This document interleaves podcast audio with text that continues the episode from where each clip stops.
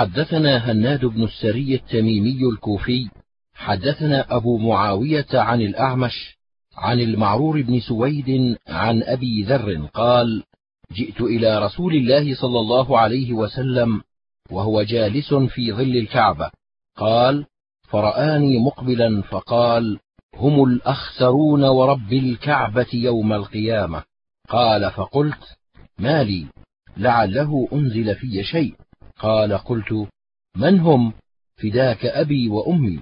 فقال رسول الله صلى الله عليه وسلم هم الأكثرون إلا من قال هكذا وهكذا وهكذا فحثى بين يديه وعن يمينه وعن شماله ثم قال والذي نفسي بيده لا يموت رجل فيدع إبلا أو بقرا لم يؤد زكاتها إلا جاءته يوم القيامة أعظم ما كانت وأسمنه تطأه بأخفافها وتنطحه بقرونها كلما نفدت أخراها عادت عليه أولاها حتى يقضى بين الناس. وفي الباب عن أبي هريرة مثله وعن علي بن أبي طالب رضي الله عنه لعن مانع الصدقة وعن قبيصة بن هلب عن أبيه وجابر بن عبد الله وعبد الله بن مسعود.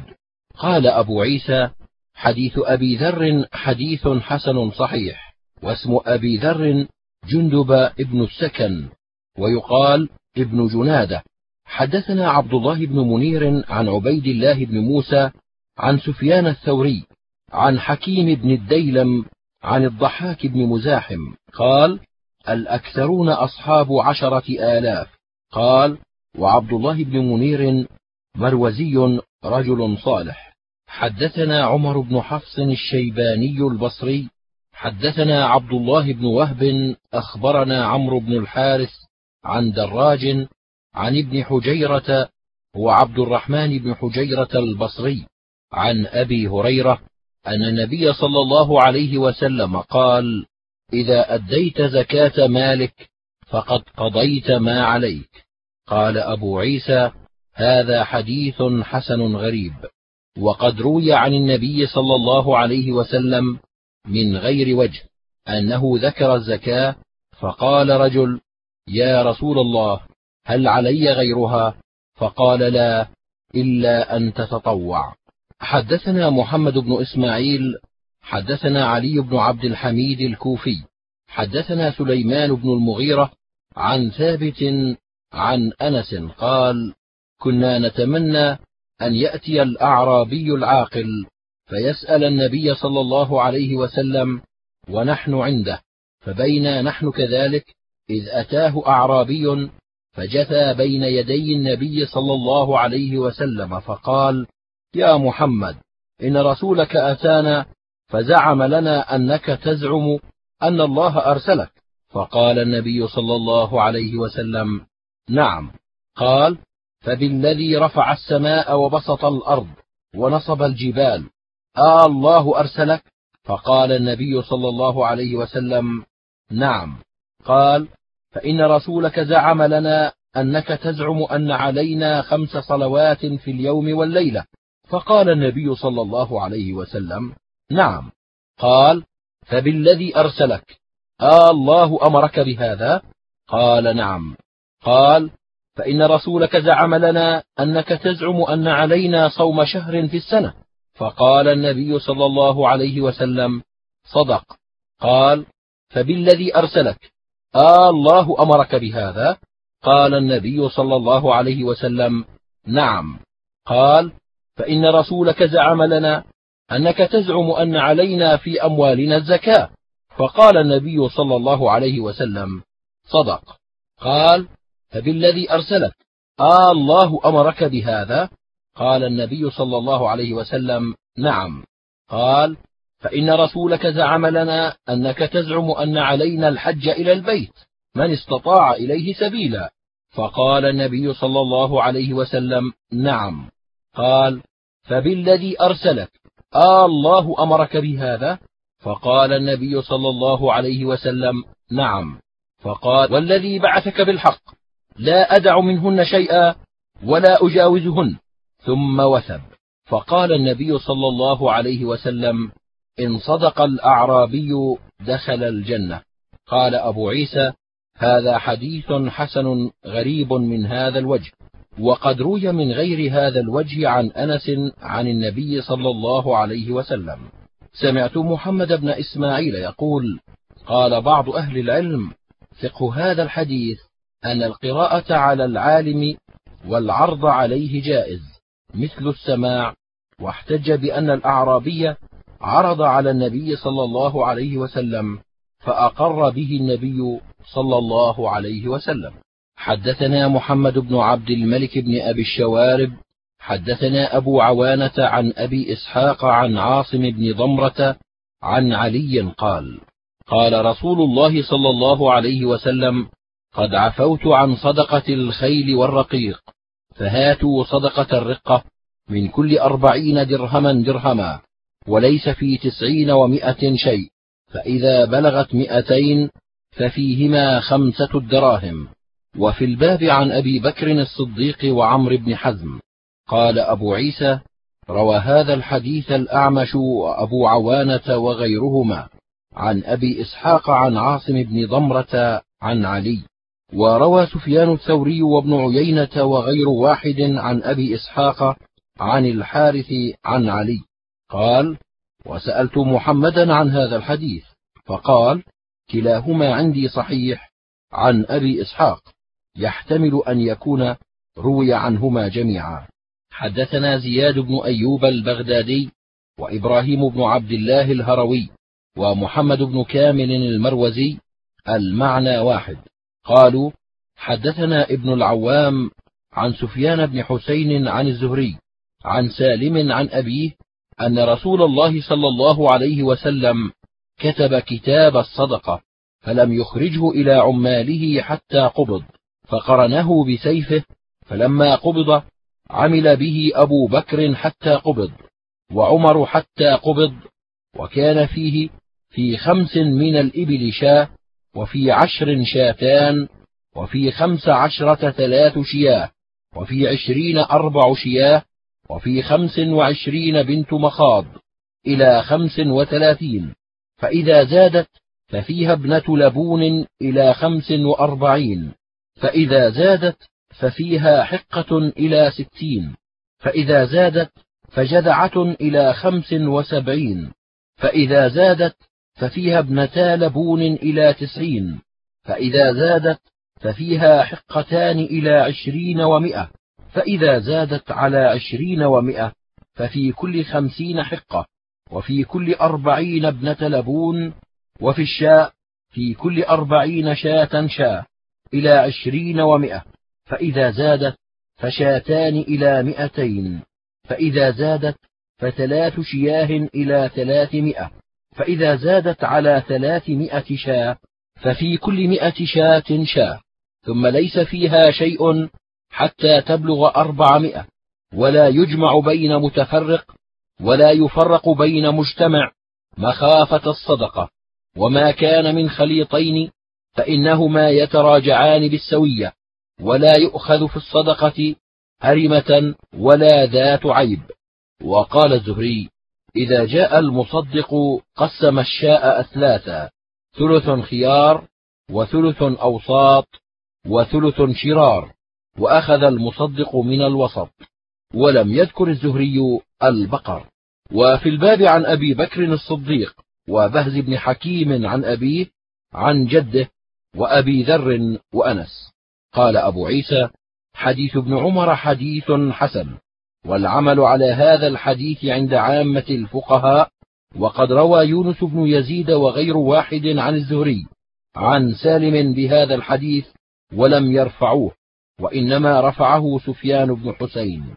حدثنا محمد بن عبيد المحاربي وأبو سعيد الأشج. قالا حدثنا عبد السلام بن حرب عن خصيف عن أبي عبيدة عن عبد الله عن النبي صلى الله عليه وسلم قال في ثلاثين من البقر تبيع أو تبيعة وفي كل أربعين مسنة وفي الباب عن معاذ بن جبل. قال أبو عيسى هكذا رواه عبد السلام بن حرب عن خصيف وعبد السلام ثقة حافظ. وروى شريك هذا الحديث عن خصيف عن أبي عبيدة عن أبيه عن عبد الله وأبو عبيدة بن عبد الله لم يسمع من عبد الله أبيه.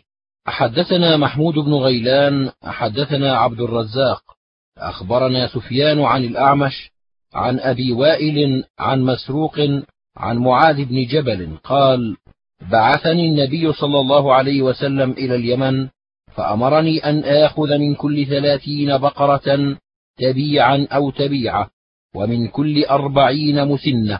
ومن كل حالم دينارا أو عدله معافر. قال أبو عيسى هذا حديث حسن. وروى بعضهم هذا الحديث عن سفيان عن الأعمش عن أبي وائل عن مسروق أن النبي صلى الله عليه وسلم بعث معاذا إلى اليمن فأمره أن يأخذ وهذا أصح. حدثنا محمد بن بشار حدثنا محمد بن جعفر حدثنا شعبة عن عمرو بن مرة. قال سألت أبا عبيدة بن عبد الله هل يذكر عن عبد الله شيئا؟ قال لا. حدثنا أبو كريب حدثنا وكيع حدثنا زكريا بن إسحاق المكي. حدثنا يحيى بن عبد الله بن صيفي عن أبي معبد عن ابن عباس.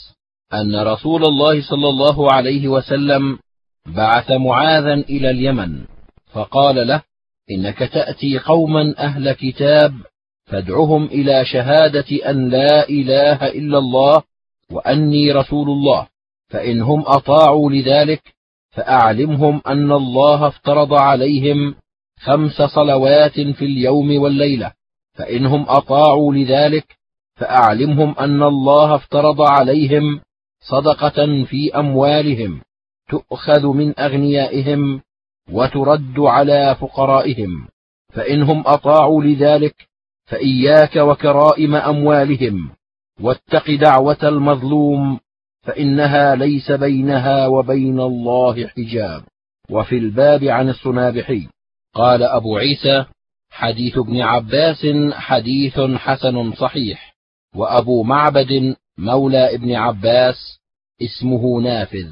حدثنا قتيبة حدثنا عبد العزيز بن محمد عن عمرو بن يحيى المازني عن أبيه عن أبي سعيد الخدري أن النبي صلى الله عليه وسلم قال ليس فيما دون خمس ذود صدقة وليس فيما دون خمس أواق صدقة وليس فيما دون خمسة أوسق صدقة. وفي الباب عن أبي هريرة وابن عمر وجابر وعبد الله بن عمرو. حدثنا محمد بن بشار حدثنا عبد الرحمن بن مهدي حدثنا سفيان وشعبة ومالك بن أنس عن عمرو بن يحيى عن أبيه عن أبي سعيد عن النبي صلى الله عليه وسلم نحو حديث عبد العزيز عن عمرو بن يحيى. قال أبو عيسى حديث أبي سعيد حديث حسن صحيح. وقد روي من غير وجه عنه والعمل على هذا عند أهل العلم أن ليس فيما دون خمسة أوسق صدقة والوسق ستون صاعا وخمسة أوسق ثلاثمائة صاع وصاع النبي صلى الله عليه وسلم خمسة أرطال وثلث وصاع أهل الكوفة ثمانية أرطال وليس فيما دون خمس أواق صدقة والأوقية أربعون درهما. وخمس أواق مئتا درهم وليس فيما دون خمس ذود صدقة يعني ليس فيما دون خمس من الإبل فإذا بلغت خمسا وعشرين من الإبل ففيها بنت مخاض وفيما دون خمس وعشرين من الإبل في كل خمس من الإبل شاة. حدثنا أبو كريب محمد بن العلاء ومحمود بن غيلان قالا حدثنا وكيع عن سفيان وشعبة عن عبد الله بن دينار عن سليمان بن يسار عن عراك بن مالك عن أبي هريرة قال قال رسول الله صلى الله عليه وسلم ليس على المسلم في فرسه ولا في عبده صدقة. وفي الباب عن علي وعبد الله بن عمرو. قال أبو عيسى حديث أبي هريرة حديث حسن صحيح. والعمل عليه عند أهل العلم أنه ليس في الخيل السائمة صدقة ولا في الرقيق إذا كانوا للخدمة صدقة إلا أن يكونوا للتجارة. فإذا كانوا للتجارة ففي أثمانهم الزكاة إذا حال عليها الحول. حدثنا محمد بن يحيى النيسابوري حدثنا عمرو بن أبي سلمة التنيسي عن صدقة بن عبد الله عن موسى بن يسار عن نافع عن ابن عمر. قال قال رسول الله صلى الله عليه وسلم في العسل في كل عشرة أزق زق وفي الباب عن أبي هريرة وأبي سيارة المتعي وعبد الله بن عمرو. قال أبو عيسى حديث ابن عمر في إسناده مقال ولا يصح عن النبي صلى الله عليه وسلم في هذا الباب كبير شيء والعمل على هذا عند أكثر أهل العلم وبه يقول أحمد وإسحاق وقال بعض أهل العلم ليس في العسل شيء وصدقة ابن عبد الله ليس بحافظ. وقد خولف صدقة ابن عبد الله في رواية هذا الحديث عن نافع. حدثنا محمد بن بشار حدثنا عبد الوهاب الثقفي حدثنا عبيد الله بن عمر عن نافع قال سألني عمر بن عبد العزيز عن صدقة العسل. قال قلت ما عندنا عسل نتصدق منه. ولكن أخبرنا المغيرة بن حكيم أنه قال ليس في العسل صدقة. فقال عمر عدل مرضي فكتب إلى الناس أن توضع يعني عنهم. حدثنا يحيى بن موسى حدثنا هارون بن صالح الطلحي المدني حدثنا عبد الرحمن بن زيد بن أسلم عن أبيه عن ابن عمر قال قال رسول الله صلى الله عليه وسلم من استفاد مالا فلا زكاة عليه حتى يحول عليه الحول عند ربه. وفي الباب عن سراء بنت نبهان الغنوية. حدثنا محمد بن بشار حدثنا عبد الوهاب الثقفي حدثنا أيوب عن نافع عن ابن عمر قال من استفاد مالا فلا زكاة فيه حتى يحول عليه الحول عند ربه. قال أبو عيسى وهذا أصح من حديث عبد الرحمن بن زيد بن أسلم. قال أبو عيسى وروى أيوب وعبيد الله بن عمر وغير واحد عن نافع عن ابن عمر موقوفا. وعبد الرحمن بن زيد بن أسلم ضعيف في الحديث. ضعفه أحمد بن حنبل وعلي بن المديني وغيرهما من أهل الحديث وهو كثير الغلط. وقد روي عن غير واحد من أصحاب النبي صلى الله عليه وسلم أن لا زكاة في المال المستفاد حتى يحول عليه الحول وبه يقول مالك بن أنس والشافعي وأحمد وإسحاق. وقال بعض أهل العلم إذا كان عنده مال تجب فيه الزكاة ففيه الزكاة وإن لم يكن عنده سوى المال المستفاد ما تجب فيه الزكاة لم يجب عليه في المال المستفاد. زكاة حتى يحول عليه الحول. فإن استفاد مالا قبل أن يحول عليه الحول فإنه يزكي المال المستفاد مع ماله الذي وجبت فيه الزكاة.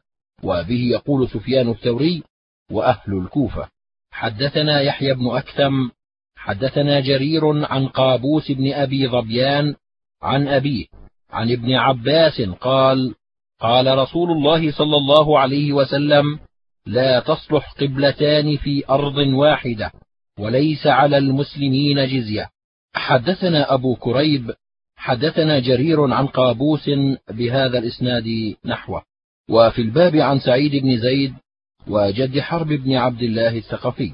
قال أبو عيسى حديث ابن عباس قد روي عن قابوس بن أبي ظبيان عن أبيه عن النبي صلى الله عليه وسلم مرسلا والعمل على هذا عند عامة أهل العلم أن النصراني إذا أسلم وضعت عنه جزية رقبته.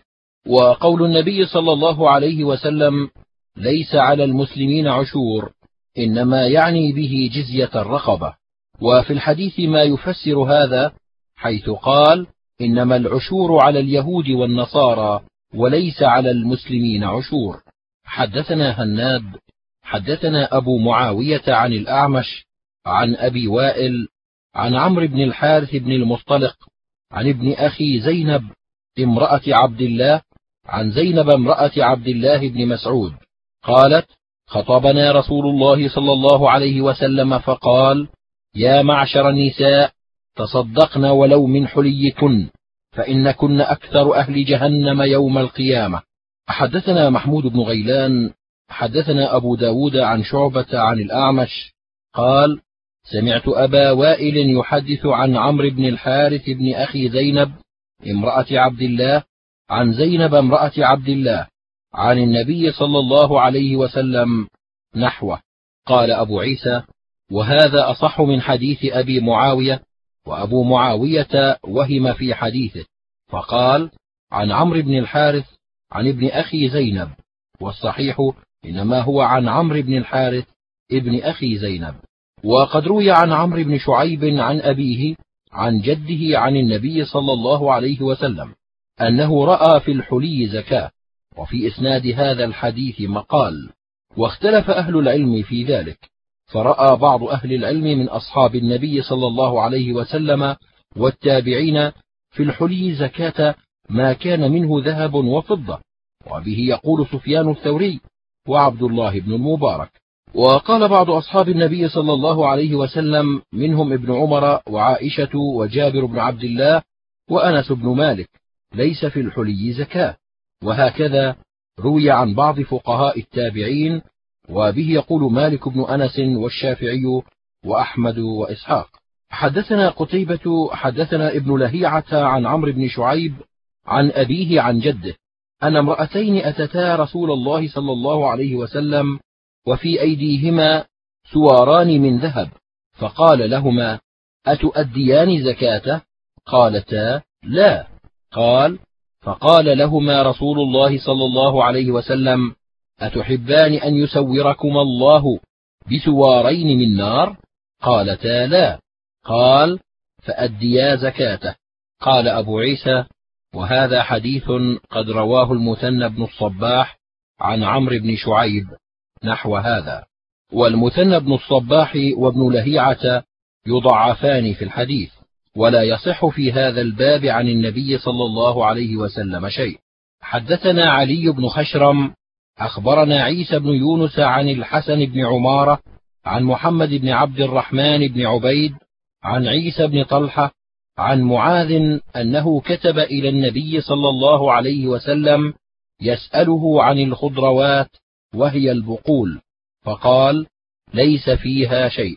قال أبو عيسى إسناد هذا الحديث ليس بصحيح وليس يصح في هذا الباب عن النبي صلى الله عليه وسلم شيء وإنما يروى هذا عن موسى بن طلحة عن النبي صلى الله عليه وسلم مرسلا. والعمل على هذا عند أهل العلم أن ليس في الخضروات صدقة. قال أبو عيسى والحسن هو ابن عمارة وهو ضعيف عند أهل الحديث ضعفه شعبة وغيره وتركه ابن المبارك. حدثنا أبو موسى الأنصاري حدثنا عاصم بن عبد العزيز المدني حدثنا الحارث بن عبد الرحمن بن أبي ذباب عن سليمان بن يسار وبسر بن سعيد. عن أبي هريرة قال قال رسول الله صلى الله عليه وسلم فيما سقت السماء والعيون العشر. وفيما سقي بالنضح نصف العشر قال وفي الباب عن أنس بن مالك وابن عمر وجابر. قال أبو عيسى وقد روي هذا الحديث عن بكير بن عبد الله بن الأشج وعن سليمان بن يسار وبسر بن سعيد عن النبي صلى الله عليه وسلم مرسلا وكأن هذا أصح. وقد صح حديث ابن عمر عن النبي صلى الله عليه وسلم في هذا الباب وعليه العمل عند عامة الفقهاء.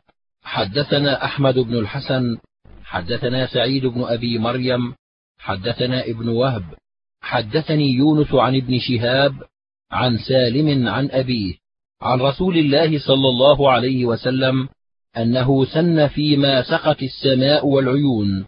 أو كان عسريا العشر وفيما سقي بالنضح نصف العشر. قال أبو عيسى هذا حديث حسن صحيح. حدثنا محمد بن إسماعيل حدثنا إبراهيم بن موسى حدثنا الوليد بن مسلم عن المثنى بن الصباح عن عمرو بن شعيب عن أبيه عن جده أن النبي صلى الله عليه وسلم خطب الناس فقال ألا من ولي يتيما له مال فليتجر فيه ولا يتركه حتى تأكله الصدقة. قال أبو عيسى وإنما روي هذا الحديث من هذا الوجه وفي إسناده مقال لأن المثنى بن الصباح يضعف في الحديث. وروى بعضهم هذا الحديث عن عمرو بن شعيب أن عمر بن الخطاب فذكر هذا الحديث. وقد اختلف أهل العلم في هذا الباب فرأى غير واحد من أصحاب النبي صلى الله عليه وسلم في مال اليتيم زكاة منهم عمر وعلي وعائشة وابن عمر وبه يقول مالك والشافعي وأحمد وإسحاق وقالت طائفة من أهل العلم ليس في مال اليتيم زكاة. وبه يقول سفيان الثوري وعبد الله بن المبارك وعمرو بن شعيب هو ابن محمد بن عبد الله بن عمرو بن العاص وشعيب قد سمع من جده عبد الله بن عمرو وقد تكلم يحيى بن سعيد في حديث عمرو بن شعيب وقال هو عندنا واهن ومن ضعفه فإنما ضعفه من قبل أنه يحدث من صحيفة جده عبد الله بن عمرو وأما أكثر أهل الحديث فيحتجون بحديث عمرو بن شعيب فيثبتونه منهم أحمد وإسحاق وغيرهما. حدثنا قتيبة حدثنا الليث بن سعد عن ابن شهاب عن سعيد بن المسيب وأبي سلمة عن أبي هريرة عن رسول الله صلى الله عليه وسلم قال العجماء جرحها جبار والمعدن جبار والبئر جبار وفي الركاز الخمس. قال وفي الباب عن أنس بن مالك وعبد الله بن عمرو وعبادة بن الصامت وعمرو بن عوف المزني وجابر. قال أبو عيسى هذا حديث حسن صحيح. حدثنا محمود بن غيلان حدثنا أبو داود الطيالسي أخبرنا شعبة أخبرني خبيب بن عبد الرحمن قال سمعت عبد الرحمن بن مسعود بن نيار يقول جاء سهل بن أبي حثمة إلى مجلسنا فحدث أن رسول الله صلى الله عليه وسلم كان يقول إذا خرصتم فخذوا ودعوا الثلث فإن لم تدعوا الثلث فدعوا الربع. قال وفي الباب عن عائشة وعتاب بن أسيد وابن عباس. قال أبو عيسى والعمل على حديث سهل بن أبي حثمة عند أكثر أهل العلم في الخرص. وبحديث سهل بن أبي حثمة يقول أحمد وإسحاق والخرص إذا أدركت الثمار من الرطب والعنب مما فيه الزكاة بعث السلطان خارصا يخرص عليهم والخرص أن ينظر من يبصر ذلك فيقول يخرج من هذا الزبيب كذا وكذا ومن التمر كذا وكذا فيحصى عليهم وينظر مبلغ العشر من ذلك فيثبت عليهم. ثم يخلى بينهم وبين الثمار فيصنعون ما أحبوا. فإذا أدركت الثمار أخذ منهم العشر. هكذا فسره بعض أهل العلم وبهذا يقول مالك والشافعي وأحمد وإسحاق. حدثنا أبو عمرو مسلم بن عمرو الحذاء المدني. حدثنا عبد الله بن نافع الصائغ عن محمد بن صالح التمار. عن ابن شهاب عن سعيد بن المسيب عن عتاب بن أسيد أن النبي صلى الله عليه وسلم كان يبعث على الناس من يخرص عليهم كرومهم وثمارهم. وبهذا الإسناد أن النبي صلى الله عليه وسلم قال في زكاة الكروم إنها تخرص كما يخرص النخل ثم تؤدى زكاته زبيبا كما تؤدى زكاة النخل تمرا. قال أبو عيسى هذا حديث حسن غريب. وقد روى ابن جريج هذا الحديث عن ابن شهاب عن عروة عن عائشة. وسألت محمدا عن هذا الحديث فقال حديث ابن جريج غير محفوظ وحديث ابن المسيب عن عتاب بن أسيد أثبت وأصح. حدثنا أحمد بن منيع حدثنا يزيد بن هارون أخبرنا يزيد بن عياض عن عاصم بن عمر بن قتادة وحدثنا محمد بن إسماعيل قال حدثنا أحمد بن خالد عن محمد بن إسحاق عن عاصم بن عمر بن قتادة عن محمود بن لبيد عن رافع بن خديج قال سمعت رسول الله صلى الله عليه وسلم يقول العامل على الصدقة بالحق كالغازي في سبيل الله حتى يرجع إلى بيته. قال أبو عيسى حديث رافع بن خديج حديث حسن صحيح ويزيد بن عياض ضعيف عند أهل الحديث وحديث محمد بن إسحاق أصح. حدثنا قتيبة حدثنا الليث عن يزيد بن أبي حبيب عن سعد بن سنان عن أنس بن مالك قال قال رسول الله صلى الله عليه وسلم المعتدي في الصدقة كمانعها. قال وفي الباب عن ابن عمر وأم سلمة وأبي هريرة. قال أبو عيسى حديث أنس حديث غريب من هذا الوجه. وقد تكلم أحمد بن حنبل في سعد بن سنان وهكذا يقول الليث بن سعد عن يزيد بن أبي حبيب عن سعد بن سنان عن أنس بن مالك. ويقول عمرو بن الحارث وابن لهيعة عن يزيد بن أبي حبيب عن سنان بن سعد عن أنس. قال وسمعت محمدا يقول والصحيح سنان بن سعد. وقوله المعتدي في الصدقة كمانعها يقول على المعتدي من الإثم كما على المانع إذا منع.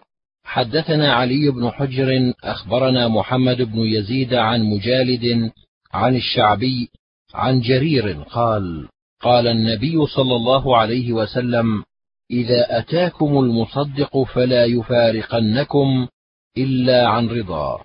حدثنا أبو عمار الحسين بن حريث حدثنا سفيان بن عيينة عن داود عن الشعبي عن جرير عن النبي صلى الله عليه وسلم بنحوه. قال أبو عيسى حديث داود عن الشعبي أصح من حديث مجالد وقد ضعف مجالدا بعض أهل العلم وهو كثير الغلط. حدثنا علي بن سعيد الكندي الكوفي حدثنا حفص بن غياث عن أشعث عن عون بن أبي جحيفة عن أبيه قال قدم علينا مصدق النبي صلى الله عليه وسلم فأخذ الصدقة من أغنيائنا فجعلها في فقرائنا وكنت غلاما يتيما فأعطاني منها قلوصا. قال وفي الباب عن ابن عباس. قال أبو عيسى حديث أبي جحيفة حديث حسن. حدثنا قتيبة وعلي بن حجر.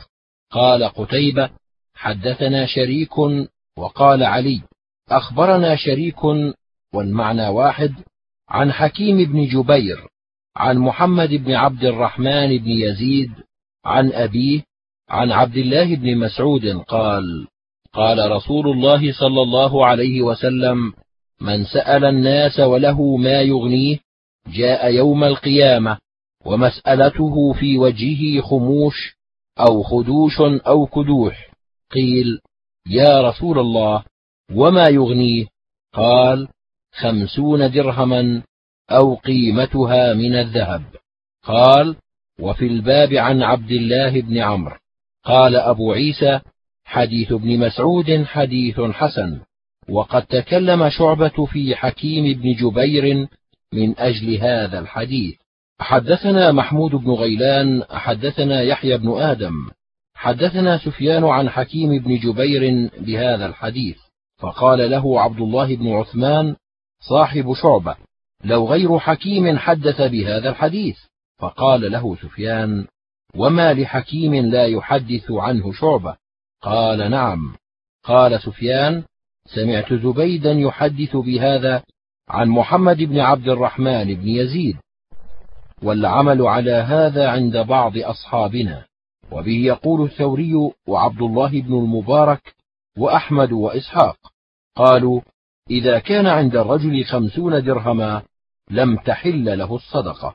قال ولم يذهب بعض أهل العلم إلى حديث حكيم بن جبير ووسعوا في هذا وقالوا إذا كان عنده خمسون درهما أو أكثر وهو محتاج فله أن يأخذ من الزكاة وهو قول الشافعي وغيره من أهل الفقه والعلم.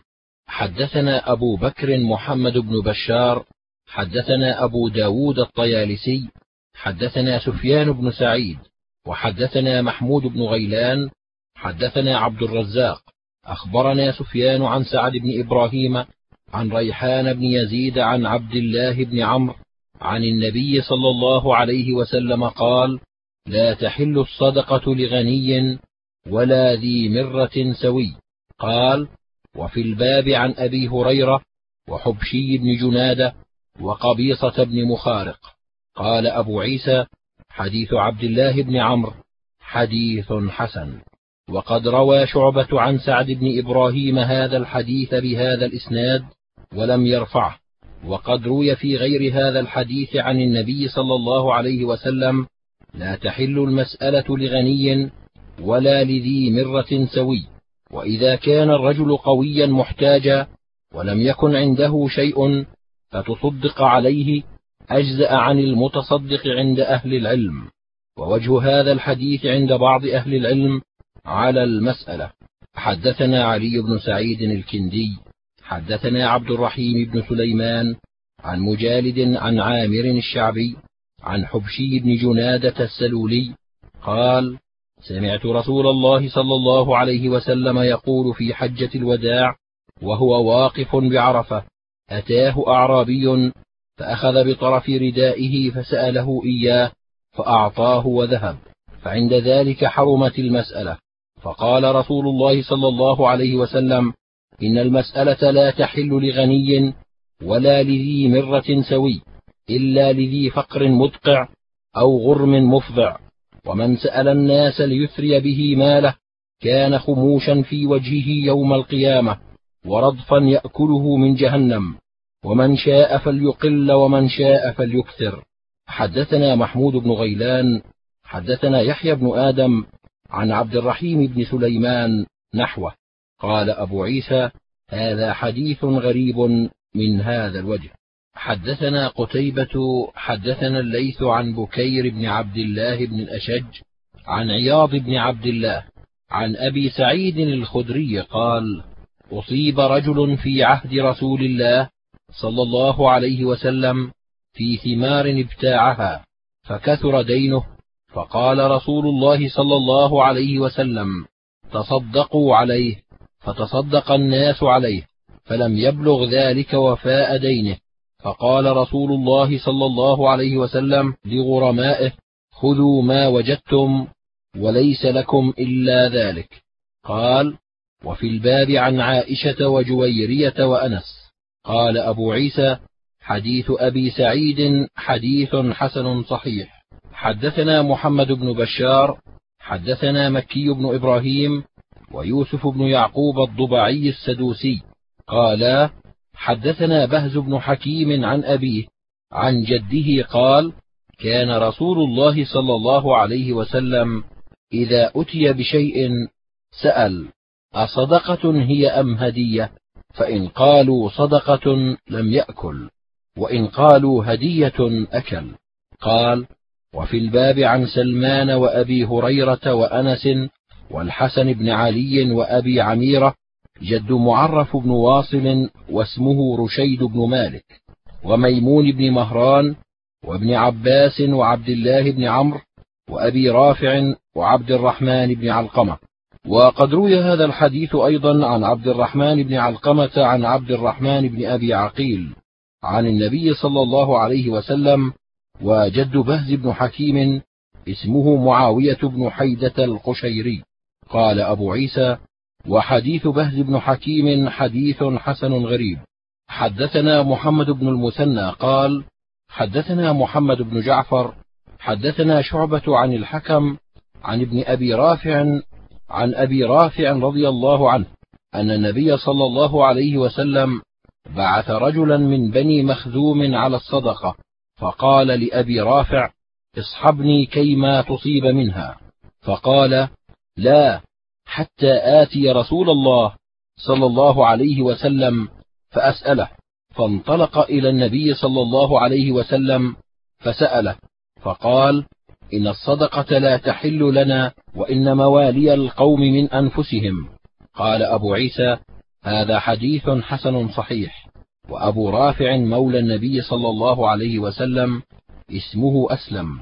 وابن أبي رافع هو عبيد الله بن أبي رافع كاتب علي بن أبي طالب رضي الله عنه. حدثنا قتيبة حدثنا سفيان بن عيينة عن عاصم الأحول عن حفصة بنت سيرين عن الرباب عن عمها سلمان بن عامر يبلغ به النبي صلى الله عليه وسلم قال إذا أفطر أحدكم فليفطر على تمر فإنه بركة فإن لم يجد تمرا فالماء فإنه طهور. وقال الصدقة على المسكين صدقة وهي على ذي الرحم ثنتان صدقة وصلة. قال وفي الباب عن زينب امرأة عبد الله بن مسعود وجابر وأبي هريرة. قال أبو عيسى حديث سلمان بن عامر حديث حسن والرباب هي أم الرائح بنت صليع. وهكذا روى سفيان الثوري عن عاصم عن حفصة بنت سيرين عن الرباب عن سلمان بن عامر عن النبي صلى الله عليه وسلم نحو هذا الحديث. وروى شعبة عن عاصم عن حفصة بنت سيرين عن سلمان بن عامر ولم يذكر فيه عن الرباب. وحديث سفيان الثوري وابن عيينة أصح. وهكذا روى ابن عون وهشام بن حسان عن حفصة بنت سيرين عن الرباب عن سلمان بن عامر. حدثنا محمد بن أحمد بن مدويه.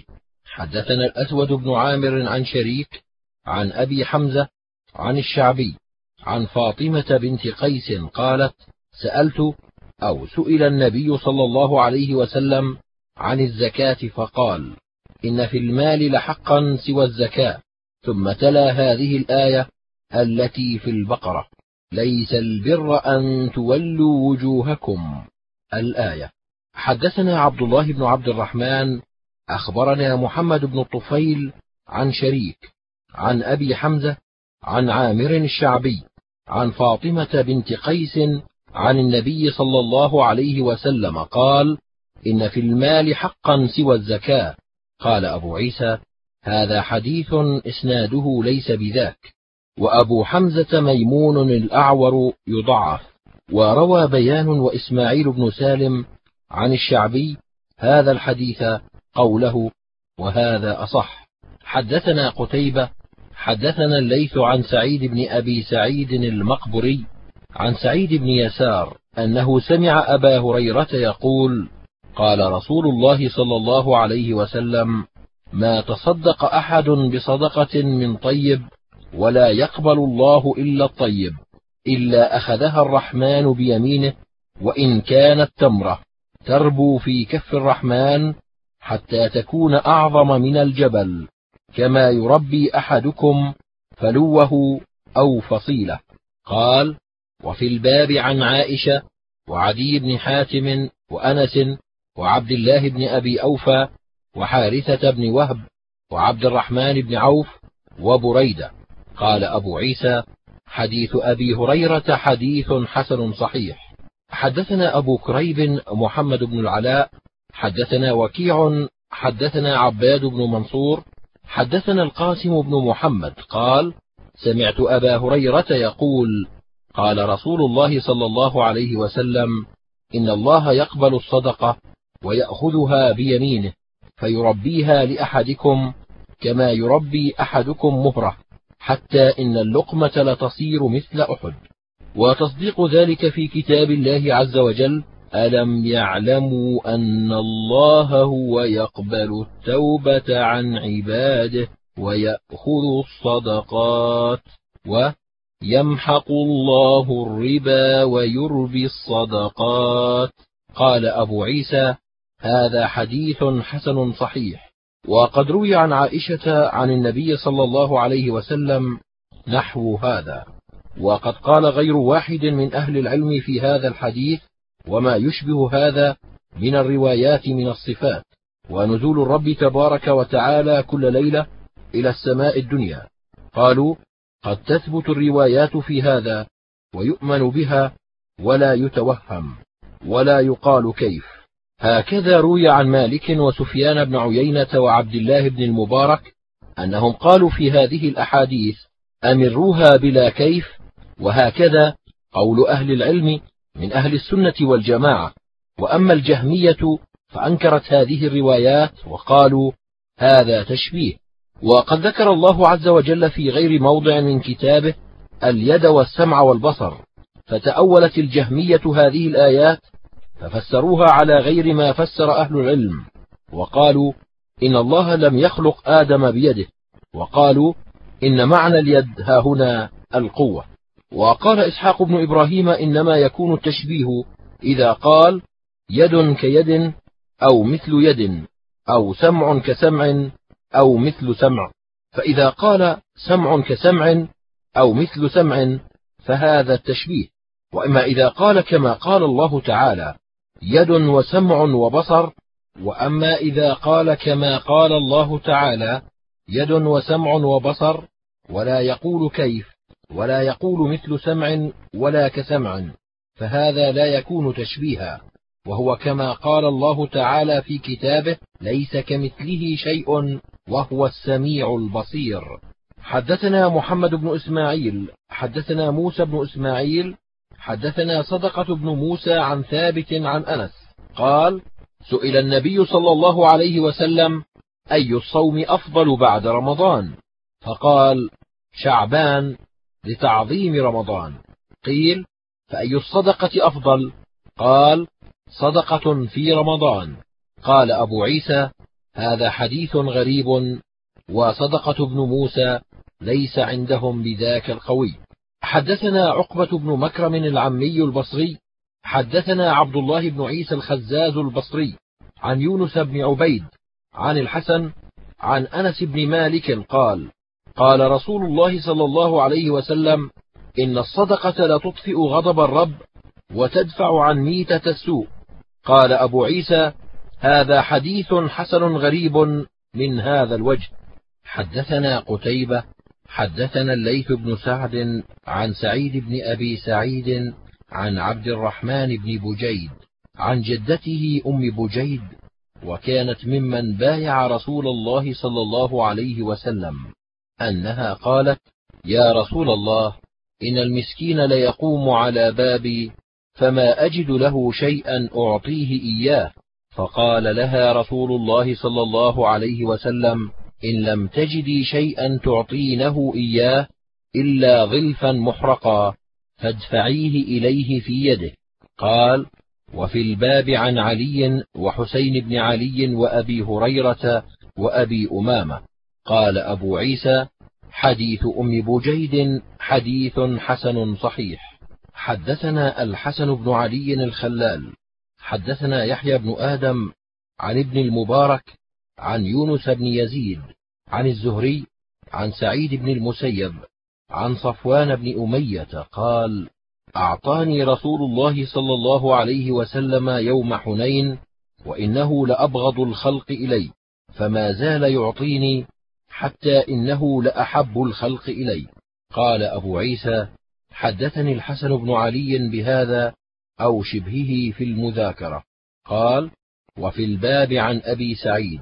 قال أبو عيسى حديث صفوان رواه معمر وغيره عن الزهري. عن سعيد بن المسيب أن صفوان بن أمية قال أعطاني رسول الله صلى الله عليه وسلم وكأن هذا الحديث أصح وأشبه. إنما هو سعيد بن المسيب أن صفوان. وقد اختلف أهل العلم في إعطاء المؤلفة قلوبهم فراى أكثر أهل العلم أن لا يعطوا وقالوا إنما كانوا قوما على عهد النبي صلى الله عليه وسلم كان يتألفهم على الإسلام حتى أسلموا ولم يروا أن يعطوا اليوم من الزكاة على مثل هذا المعنى وهو قول سفيان الثوري وأهل الكوفة وغيرهم وبه يقول أحمد وإسحاق. وقال بعضهم من كان اليوم على مثل حال هؤلاء ورأى الإمام أن يتألفهم على الإسلام فأعطاهم. جاز ذلك وهو قول الشافعي. حدثنا علي بن حجر حدثنا علي بن مسهر عن عبد الله بن عطاء عن عبد الله بن بريدة عن أبيه قال كنت جالسا عند النبي صلى الله عليه وسلم إذ أتته امرأة فقالت يا رسول الله إني كنت تصدقت على أمي بجارية وإنها ماتت. قال وجب أجرك وردها عليك الميراث. قالت يا رسول الله إنها كان عليها صوم شهر أفأصوم عنها؟ قال صومي عنها. قالت يا رسول الله إنها لم تحج قط. أفأحج عنها؟ قال نعم حجي عنها. قال أبو عيسى هذا حديث حسن صحيح. لا يعرف هذا من حديث بريدة إلا من هذا الوجه. وعبد الله بن عطاء ثقة عند أهل الحديث. والعمل على هذا عند أكثر أهل العلم أن الرجل إذا تصدق بصدقة ثم ورثها حلت له. وقال بعضهم إنما الصدقة شيء جعلها لله فإذا ورثها فيجب أن يصرفها في مثله. وروى سفيان الثوري وزهير هذا الحديث عن عبد الله بن عطاء. حدثنا هارون بن إسحاق الهمداني حدثنا عبد الرزاق عن معمر عن الزهري عن سالم عن ابن عمر عن عمر أنه حمل على فرس في سبيل الله ثم رآها تباع. فأراد أن يشتريها. فقال النبي صلى الله عليه وسلم لا تعد في صدقتك. قال أبو عيسى هذا حديث حسن صحيح والعمل على هذا عند أكثر أهل العلم. حدثنا أحمد بن منيع حدثنا روح بن عبادة حدثنا زكريا بن إسحاق حدثني عمرو بن دينار عن عكرمة عن ابن عباس أن رجلا قال يا رسول الله إن أمي توفيت أفينفعها إن تصدقت عنها؟ قال نعم. قال فإن لي مخرفا فأشهدك أني قد تصدقت به عنها. قال أبو عيسى هذا حديث حسن. وبه يقول أهل العلم يقولون ليس شيء يصل إلى الميت إلا الصدقة والدعاء. وقد روى بعضهم هذا الحديث عن عمرو بن دينار.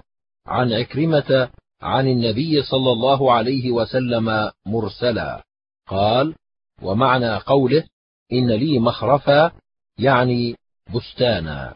حدثنا هناد حدثنا إسماعيل بن عياش حدثنا شرحبيل بن مسلم الخولاني عن أبي أمامة الباهلي قال سمعت رسول الله صلى الله عليه وسلم في خطبته عام حجة الوداع يقول لا تنفق امرأة شيئا من بيت زوجها إلا بإذن زوجها. قيل يا رسول الله ولا الطعام؟ قال ذاك أفضل أموالنا. وفي الباب عن سعد بن أبي وقاص وأسماء بنت أبي بكر وأبي هريرة وعبد الله بن عمرو وعائشة. قال أبو عيسى حديث أبي أمامة حديث حسن. حدثنا محمد بن المثنى حدثنا محمد بن جعفر حدثنا شعبة عن عمرو بن مرة قال سمعت أبا وائل يحدث عن عائشة عن النبي صلى الله عليه وسلم أنه قال إذا تصدقت المرأة من بيت زوجها كان لها به أجر وللزوج مثل ذلك وللخازن مثل ذلك ولا ينقص كل واحد منهم من أجر صاحبه شيئا. له بما كسب ولها بما أنفقت. قال أبو عيسى هذا حديث حسن. حدثنا محمود بن غيلان حدثنا المؤمل عن سفيان عن منصور عن أبي وائل عن مسروق عن عائشة قالت قال رسول الله صلى الله عليه وسلم إذا أعطت المرأة من بيت زوجها بطيب نفس غير مفسدة كان لها مثل أجره. لها ما نوت حسنا وللخازن مثل ذلك. قال أبو عيسى هذا حديث حسن صحيح وهذا أصح من حديث عمرو بن مرة عن أبي وائل. وعمرو بن مرة لا يذكر في حديثه عن مسروق. حدثنا محمود بن غيلان حدثنا وكيع عن سفيان عن زيد بن أسلم عن عياض بن عبد الله عن أبي سعيد الخدري. كنا نخرج زكاة الفطر إذ كان فينا رسول الله صلى الله عليه وسلم صاعا من طعام أو صاعا من شعير أو صاعا من تمر أو صاعا من زبيب أو صاعا من أقط. فلم نزل نخرجه حتى قدم معاوية المدينة فتكلم. فكان فيما كلم به الناس إني لأرى مدين من سمراء الشام تعدل صاعا من تمر. قال فأخذ الناس بذلك. قال أبو سعيد فلا أزال أخرجه كما كنت أخرجه. قال أبو عيسى هذا حديث حسن صحيح والعمل على هذا عند بعض أهل العلم يرون من كل شيء صاعا وهو قول الشافعي وأحمد وإسحاق. وقال بعض أهل العلم من أصحاب النبي صلى الله عليه وسلم وغيرهم من كل شيء صاع إلا من البر فإنه يجزئ نصف صاع وهو قول سفيان الثوري وابن المبارك وأهل الكوفة يرون نصف صاع من بر. حدثنا عقبة بن مكرم البصري حدثنا سالم بن نوح عن ابن جريج عن عمرو بن شعيب عن أبيه عن جده أن النبي صلى الله عليه وسلم بعث مناديا في فجاج مكة ألا إن صدقة الفطر واجبة على كل مسلم ذكر أو أنثى حر أو عبد صغير أو كبير مدان من قمح أو سواه صاع من طعام. قال أبو عيسى هذا حديث حسن غريب. وروى عمر بن هارون هذا الحديث عن ابن جريج وقال عن العباس بن ميناء عن النبي صلى الله عليه وسلم فذكر بعض هذا الحديث. حدثنا جارود حدثنا عمر بن هارون هذا الحديث. حدثنا قتيبة حدثنا حماد بن زيد عن أيوب عن نافع عن ابن عمر قال فرض رسول الله صلى الله عليه وسلم صدقة الفطر على الذكر والأنثى والحر والمملوك صاعا من تمر أو صاعا من شعير. قال فعدل الناس إلى نصف صاع من بر. قال أبو عيسى هذا حديث حسن صحيح. وفي الباب عن أبي سعيد وابن عباس وجد الحارث بن عبد الرحمن بن أبي ذباب وثعلبة بن أبي صعير وعبد الله بن عمرو. حدثنا إسحاق بن موسى الأنصاري. حدثنا معا حدثنا مالك عن نافع عن عبد الله بن عمر أن رسول الله صلى الله عليه وسلم فرض زكاة الفطر من رمضان صاعا من تمر أو صاعا من شعير على كل حر أو عبد ذكر أو أنثى من المسلمين. قال أبو عيسى حديث ابن عمر حديث حسن صحيح وروى مالك عن نافع عن ابن عمر عن النبي صلى الله عليه وسلم نحو حديث أيوب وزاد فيه من المسلمين. ورواه غير واحد عن نافع ولم يذكر فيه من المسلمين. واختلف أهل العلم في هذا فقال بعضهم إذا كان للرجل عبيد غير مسلمين لم يؤد عنهم صدقة الفطر وهو قول مالك والشافعي وأحمد. وقال بعضهم يؤدي عنهم وإن كانوا غير مسلمين وهو قول الثوري وابن المبارك وإسحاق. حدثنا مسلم بن عمرو بن مسلم أبو عمرو الحذاء المدني حدثني عبد الله بن نافع الصائغ عن ابن أبي الزناد عن موسى بن عقبة عن نافع عن ابن عمر أن رسول الله صلى الله عليه وسلم كان يأمر بإخراج الزكاة قبل الغدو للصلاة يوم الفطر. قال أبو عيسى هذا حديث حسن صحيح غريب. وهو الذي يستحبه أهل العلم أن يخرج الرجل صدقة الفطر قبل الغدو إلى الصلاة. حدثنا عبد الله بن عبد الرحمن أخبرنا سعيد بن منصور. حدثنا إسماعيل بن زكريا عن الحجاج بن دينار عن الحكم بن عتيبة عن حجية بن عدي عن علي أن العباس سأل رسول الله صلى الله عليه وسلم في تعجيل صدقته قبل أن تحل. فرخص له في ذلك. حدثنا القاسم بن دينار الكوفي حدثنا إسحاق بن منصور عن إسرائيل عن الحجاج بن دينار عن الحكم بن جحل عن حجر العدوي عن علي أن النبي صلى الله عليه وسلم قال لعمر إنا قد أخذنا زكاة العباس عام الأول للعام قال وفي الباب عن ابن عباس قال أبو عيسى لا أعرف حديث تعجيل الزكاة من حديث إسرائيل عن الحجاج بن دينار إلا من هذا الوجه وحديث إسماعيل بن زكريا عن الحجاج عندي أصح من حديث إسرائيل عن الحجاج بن دينار. وقد روي هذا الحديث عن الحكم بن عتيبة عن النبي صلى الله عليه وسلم مرسلا. وقد اختلف أهل العلم في تعجيل الزكاة قبل محلها فرأى طائفة من أهل العلم أن لا يعجلها وبه يقول سفيان الثوري قال أحب إلي أن لا يعجلها. وقال أكثر أهل العلم إن عجلها قبل محلها أجزأت عنه. وبه يقول الشافعي وأحمد وإسحاق حدثنا هناد حدثنا أبو الأحوص عن بيان بن بشر عن قيس بن أبي حازم عن أبي هريرة قال سمعت رسول الله صلى الله عليه وسلم يقول لأن يغدو أحدكم فيحتطب على ظهره فيتصدق منه فيستغني به عن الناس خير له من أن يسأل رجلا أعطاه أو منعه ذلك فإن اليد العليا أفضل من اليد السفلى وابدأ بمن تعول. قال وفي الباب عن حكيم بن حزام وأبي سعيد الخدري وزبير بن العوام وعطية السعدي وعبد الله بن مسعود ومسعود بن عمرو وابن عباس وثوبان وزيد بن الحارث الصدائي وأنس وحبشي بن جنادة وقبيصة بن مخارق وسمرة وابن عمر. قال أبو عيسى حديث أبي هريرة حديث حسن صحيح غريب. يستغرب من حديث بيان عن قيس.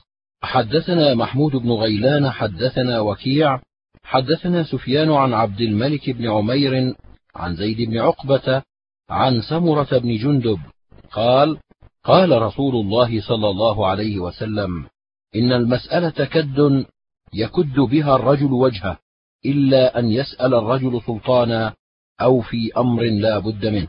قال أبو عيسى هذا حديث حسن صحيح.